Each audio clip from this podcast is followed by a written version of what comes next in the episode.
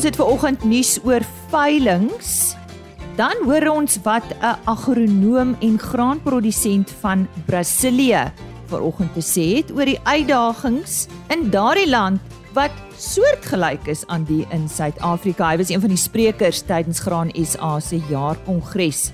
En die Gamtoos Besproeiingsraad probeer voortdurend om optimale watervloei na die belangrikste Oos-Kaapse damme te verseker. Renet Koleski gesels oor 'n projek wat hierop fokus.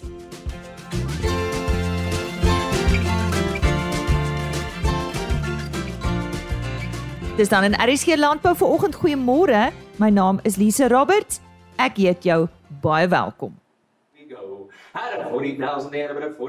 Hier is dan 'n paar veilinge waaroor ek graag vandag wil gesels. Môre 23 Maart, die nasionale Savanna en van Rooi skaapteelers veiling by Little Farm, Kimberley N12. Savanna bokke 16 oeye en 49 ramme is ook van rooi skape 36 oeye en 117 ramme is om aanbod aangebied deur Andrei Kok en Seun. Nog 'n veiling van 23 Maart, die LHB Bonsmara en Kreur Bonsmara produksieveiling van Skalk van der Merwe en Frikkie Kreur by Leeuheuvel in die Christiana omgewing. 25 SP bulle, 300 kommersiële vroulike diere is op aanbod, aangebied deur Vleis Sentraal en 'n aanlyn Swift vee opsie. Op 30 Maart die 20ste produksieveiling van Teries Bonsmaras op die plaas Wolfehuis in die Oknie omgewing 35 bulle, 30 stoetkoeie en 110 kommersiële koeie en verse op aanbod. Dis dan hierdie week se veilingsnuus.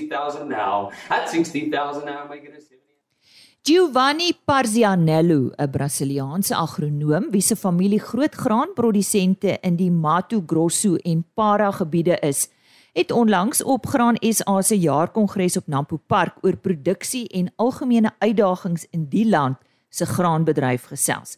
Christelise Miller het na afloop van hierdie geleentheid vir hom gevra om ook met ons te gesels. Giovanni, good day. It's nice to speak to you. Tell us more about your farming operation back home. So, we are farmers back in Brazil, and we do have our farmers located in Mato Grosso, which is a state in the middle of Brazil, and another one in up north of Brazil called Pará state.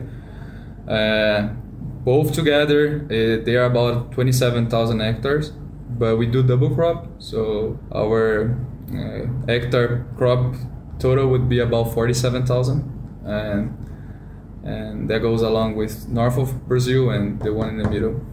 I forgot to mention too. We do have 4,000 hectares of eucalyptus that we use for cellulose. Cellulose, the one that you use to make for paper. And it's it's a family it's a family-owned business. Uh, it's uh, it's my dad as a CEO and my oldest brother. He's, he's more into the financial and management part of the business. Myself, uh, I'm a, I'm a, I'm an agronomist, so I take care of the operations and the agronomy part. So the nice part, I would say.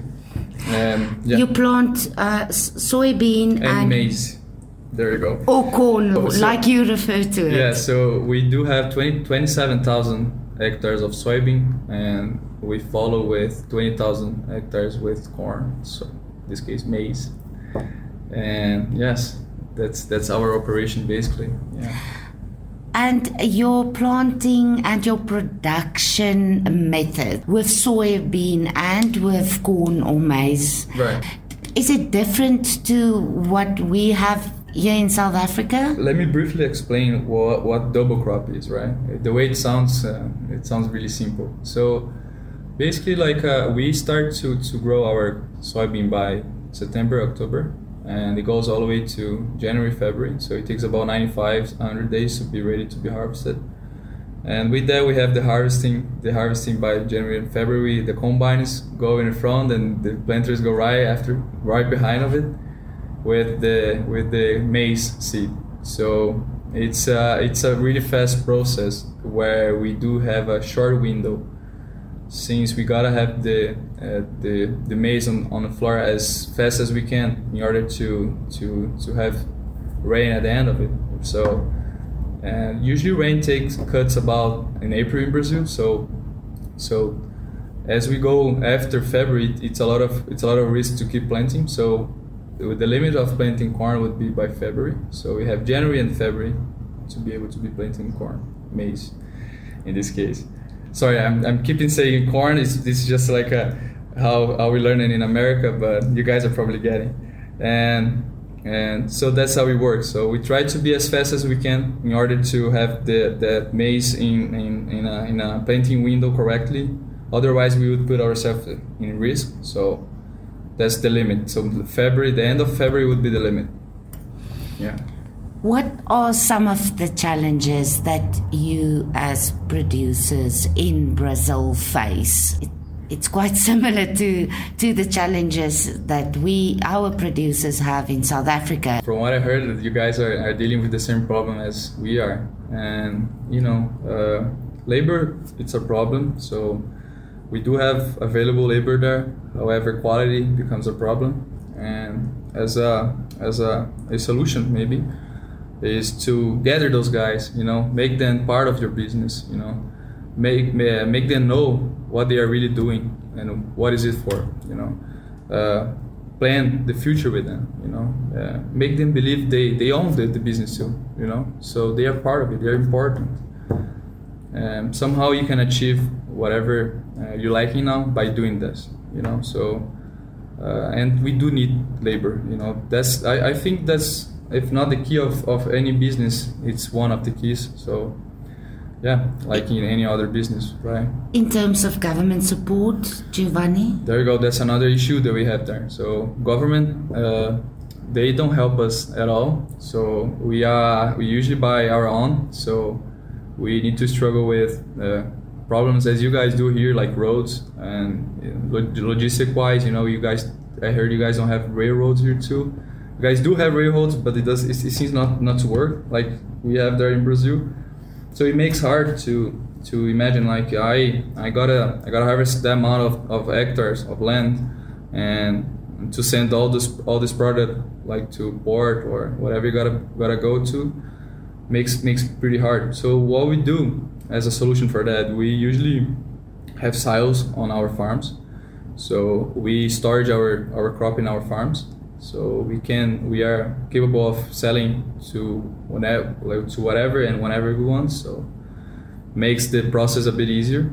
And and I would I would definitely recommend that. Uh, it's a it's a big investment but it pays off. It certainly pays off. And it, it's it's gonna be it's it's gonna be as quick as you think you know? So being able to hold your your crop and get to sell it in the right time you know? And one knows the right time, but you, you have a pers- uh, perspective to when to sell. You know, as a, like a more like a supply and a demand thing. So challenges with pests and pest control, and yeah. then of course, you know, suppliers. Right. Um, right. So so in in our business, uh, I think. Uh, we have a lot of uh, we have a high pressure of, of pests in Brazil and, and fungi. So we do need to to to have good products in order to solve that. Otherwise, we wouldn't be able to to achieve the yields that we're achieving now. And and the thing is, for what what what we have learned from the last and past years is that we need good partners along with us, and that goes with the companies that we usually uh, know. And I can mention a few of them. We we work a lot with Bayer, Syngenta, and as go for seeds for uh, GDM, which they are coming here to South Africa now, and they are really good on what they do. Uh, and goes for fertilizer too. There there are many companies reliable on that on that matter too. So the thing is, when you have a trustworthy supplier, you can rely on that. You know, so your business you already have enough risk to deal with. So why why keeping you know why keeping the, the risks along all along with you you know? So share share your risk with them you know? Bring bring them along with you. Show show them your problem show your demand. They're essentially going to be able to solve it you know? So i think i think that's the strategy with with we've been working with. And getting back to the to the agronomy the agronomy part where where we we we have to to handle the expression of pests. So we do get to spend a lot of money on it but at the end needs to be profitable. So we need efficient products and we need them uh, on the right time. So so I think that's that's our strategy. So yeah, as you mentioned, I, I, Bayer is bringing uh, a new tech here to South Africa, which we already we already have it available uh, in about like eight years. So they brought to us in 2014ish, and it's been it's been quite uh, quite uh, important for us in terms of yield production. And I can say most of our so Intacta is basically uh, a protein that helps out on, on, on controlling the bollworm. So you guys got to deal with it. So basically, you when you have an Intacta soybean on your field, you're not going to be having trouble with the with that worm. So it's basically how we handle in Brazil too. We we the, our worm is called Helicoverp. Uh, it's probably the same as you the, the guys have here, in bollworm and since we got the Intacta technology, uh, they it's been it's been pretty helpful in that matter, you know. So we don't need to deal with that worm no more, but we still have another worms. So, but on that on that one, it's Intacta technology has been helping us a lot. So prior Intacta, we used to spend even more money on, on pest control. So yeah, so that's that's a that's a good technology that's that's going to be available for you guys in the in the following years. So yeah, make it make the use of it, you know. And then my final question, Giovanni. Um, so Brasilia and South Africa are uh, large role players in the global gr- grain industry. Uh, in your opinion, what what does the future hold for the global gr- grain industry? Is there still a future, and are you optimistic about?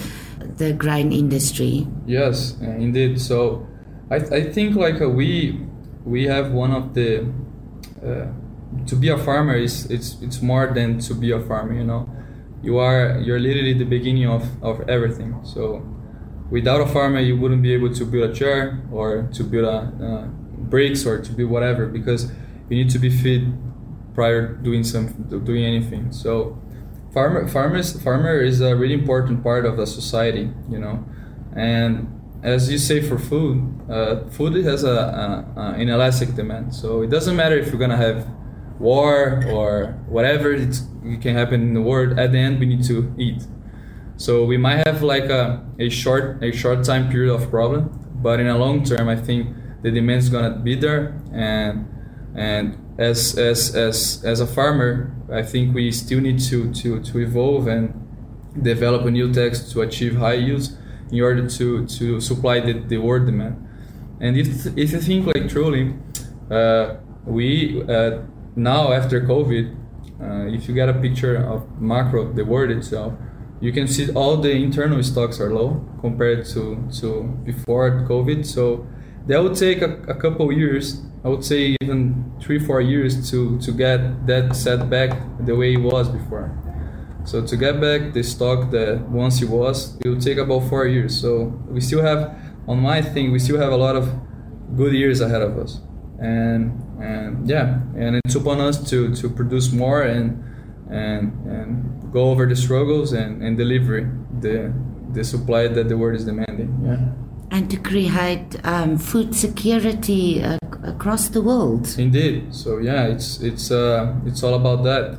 And I think South Africa, if you think you guys are you guys have uh, uh a great opportunity here, and uh, so logistic wise, you guys are closer to the ones who's buying. So I think you, you guys should get that opportunity. You know, get get get get in touch to, to with them you know have a, a, good relation with them because they are the one they are the one buying you know? Yeah I, I don't need to mention them. They they on the right side of the world so you you you, you know who's buying. So yeah i think uh, imagine if they if they need to go all the way to brazil here's like the half the way so right? So i think i think you guys have a good opportunity here. You guys just need to aim for for uh, high, uh, high yield production and you know to be profitable and and yeah i think that's that's a future yeah die stem daarvan Giovanni Parzianello 'n Brasiliaanse agronoom en Christelise Miller het by Graan SA se jaarkongres daar op Nampo Park met hom gesels Die derde en laaste bydrae van Christelise Miller tydens Graan SA se jaarkongres word môreoggend uitgesaai en dit is met Josef Swanepoel. Hy is 'n besproeiingsboer en ook voorsitter van die Krokodil Wes Besproeiingsraad. Hy gee 'n paar wenke oor hoe vloedskade voorkom kan word. So onthou om dan môreoggend weer in te skakel vir RSG Landbou.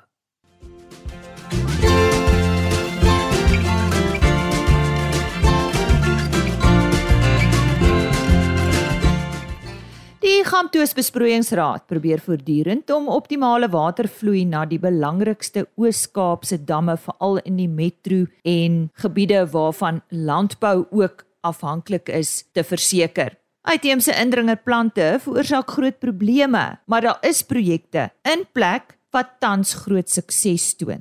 Dis waaroor ons vandag gesels met die hoofuitvoerende beampte van die Gamtoos Besproeiingsraad, Rinet Koleski. Renet, bring ons net weer op datum van die stand van hierdie belangrikste damme.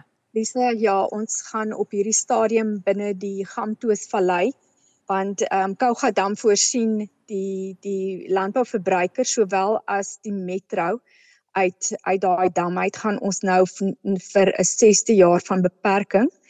So ehm um, alhoewel die res van die land baie uh, reën kry, uh, word ons op een of ander manier gemis. So dit is nogal 'n 'n stresvolle tyd, nie nou spesifiek meer as die ander tye nie, maar ehm um, dit is nogal 'n uitdaging om om min water te bestuur na ehm um, groot aanvrae wat dan nou jou landbouverbruiker is wat op hierdie stadium net sy 20% kan, kan kry. En soos ek sê dis die 6ste jaar waardeur ons gaan en die metro wat dan nou op hierdie stadium met 35% uh, beperk is hulle kry hulle toekenning natuurlik uit Luri uit. So ons Um, ons is 'n 'n oordragskema. Ons laat los uit Kouga uit en dit vloei in Luri in en hulle onttrek dan nou die water uit Luri uit.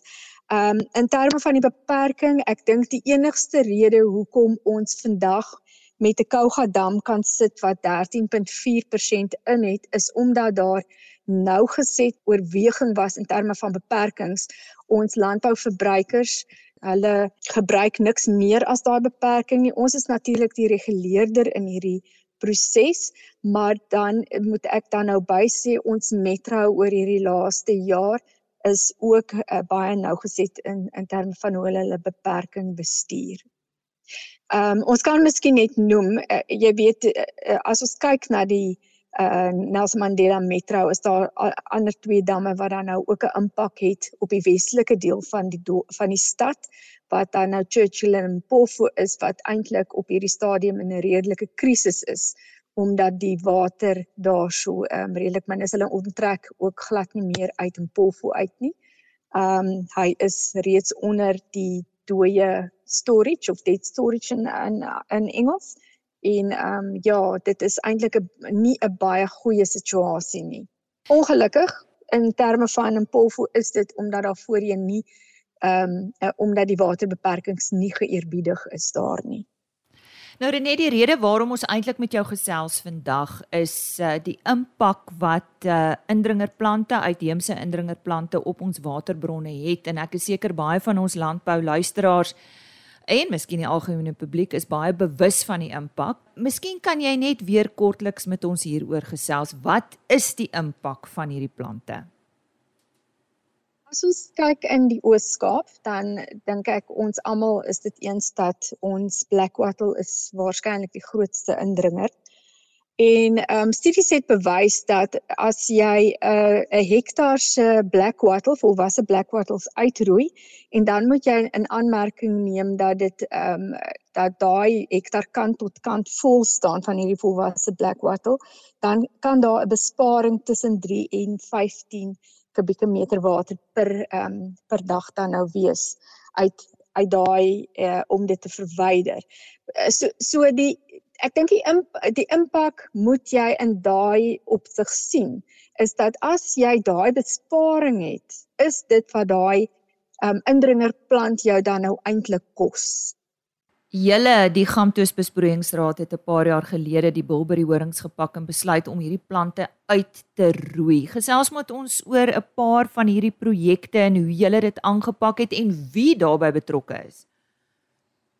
Ons het uh on, ons voer hierdie ehm um, projekte uit al sedert 1999. Dit was e eers onder die ehm um, departement van waterwese heidaglik uh, kry ons befondsing van die departement van omgewingsake al af. Ehm um, ons eh, projekte strek oor die die hele Oos-Kaap. Dit uh, kom van die voormalige Transkei tot onder in die Tsitsikamma. Ehm um, as ons miskien moet kyk na spesifieke projekte dan nou ook wat belangrik is vir uh vir die die brandpunte op hierdie stadium in ons land wat die metro is in Kobega, dan kyk ons na die Krom en die Kouga opvanggebiede waar ons al al vir baie lank betrokke is. Ehm um, ons doen dan nou daarso net die die uitroei van plante, maar behalwe dit het ons ook vlei-land projek wat daarso hardloop waar ons ehm um, waar ons walle uitkeerwalle of walle bou wat dan nou verhoed dat die rivier verder erodeer ons vestig dan nou ook ehm um, plante soos palmiet wat 'n wonderlike plant is in daai vlei lande om dit dan nou te herstel of rehabiliteer tot wat dit eers was. Maar behalwe behalwe daai projekte, jy weet ons ons op hierdie stadium hierdie jaar implementeer ons omtrent 24 projekte en ons was al in allerlei projekte betrokke. Ons het uh, kwekerye wat ons doen vir rehabilitasie. Ons het 'n stadium en ons doen nog steeds 'n klein deeltjie waar ons spekbome uh, plant uh, heidaglik in Visrivier. So ja, die, maar op die ouend is die groot fokus natuurlik om indringers uit te roei om sodoende ons ekologie te herstel en dan nou ook om armoedeverligting te bring want dit is dan nou ook die ander oogmerk. Ja, so dit is eintlik maar ook 'n werkskepingsprojek as jy kyk na die ander kant ja, daarvan. Dit is, ja, ja, ja. Ja, dit is. Nou hierdie is seker 'n proses wat nooit gaan ophou nie. Hoe sien jy die toekoms het? Kyk dit is 'n proses wat sekerlik nie kan ophou nie. As jy nie die indringers uithou nie, gaan um, ons die koste daarvoor betaal. Dit is ongelukkig baie duur pro, uh, proses. Ehm um, en jy moet fondse hê en dit is sekerlik die een deel wat ons uh, kniehalter is dat daar nie altyd genoeg fondse is nie of dat daar nie genoeg fondse op 'n spesifieke projek gefokus word nie. So jy kan dit nie regtig effektief doen nie. Ehm um, maar die die ideaal is dat jy groot bedrae in terme van 'n uh, fondse dan nou fokus op 'n spesifieke area, sê nou op die Kouga of die Krom en dan nou daai ehm um, opvanggebiede mooi skoon kry sodat dit die die die beste watervoordeel kan trek dan nou vir jou vir jou uh bronne. Ehm um, soos ek sê die die dit is die ideaal ehm um, ek, ek ons weet mos nou dit is nie altyd doenbaar nie, maar 'n mens wens en hoop dat dit in daai rigting kan beweeg. Uh, die grondeienaar speel ook 'n rol hierson. As hulle help, dan maak dit die die die proses vir julle so bietjie makliker. Weet jy die uh, die grondeienaar speel 'n enorme rol want uh, daai grondeienaar moet ons toestemming gee om op sy grond te werk. In dieselfde asem teken daai grondeienaar ook 'n ooreenkoms dat indien eh, dit, dit tot op 'n sekere punt kom waar daar die die ehm um, indringers uitgeroei is, sal hy dan nou ook oorneem en dit van daar af onderhou. Ehm um, ons wat ons vind ons kry die die die grondeienaar wat ons nader uh, en alreeds begin opvolgwerk doen ehm uh, um, uitroeiwerk doen het. Hy is bereid om die opvolgwerk te doen en hy is baie dankbaar vir ons betrokkenheid. Ons kry net ongelukkig ook grondeienaars wat gewoond is daaraan dat ons ehm um, die werk doen en wat dan nou gebeur is dat hulle nie altyd so bereidwillig is om op te volg as ons wegloop nie. Uh, wat dit moeilik maak want jy kom nou terug en jy wil graag want dit is 'n belegging in terme van die staat jy wil graag daai grond dan nou skoon hou, maar dit bind nou geld vas wat jy waarskynlik op 'n ander stuk grond kon gaan gebruik het. Die hoofuitvoerende beampte van die Gamtoos Besproeiingsraad, Rinet Koleski, vandag met ons gesels het oor projekte wat tans groot sukses toon om watervloei na belangrike damme te verseker en dit is die uithaal van uitheemse indringerplante. Fluit fluit my storie is uit vir vandag. Dankie dat jy saam gekuier het en môreoggend om 5uur is ek weer op my pos. Ek sluit af met 'n e-posadres en webtuiste. RSG RSG Landbou is op die rsg.co.za webtuiste as potgooi beskikbaar. Al die programme is daar volledig gelaai. Jy kan ook www.agriorbit.com raadpleeg. Ons onderhoude word daar afsonderlik gelaai onder verskeie datums. Kyk net bo aan die bladsy onder podcast en dan 'n e-posadres rsglandbou@plaasmedia.co.za. Ek wens jou 'n goeie dag toe. Totsiens. RSG Landbou is 'n Plaas Media produksie met regisseur en aanbieder Lize Roberts en tegniese ondersteuning deur Jolande Rooi.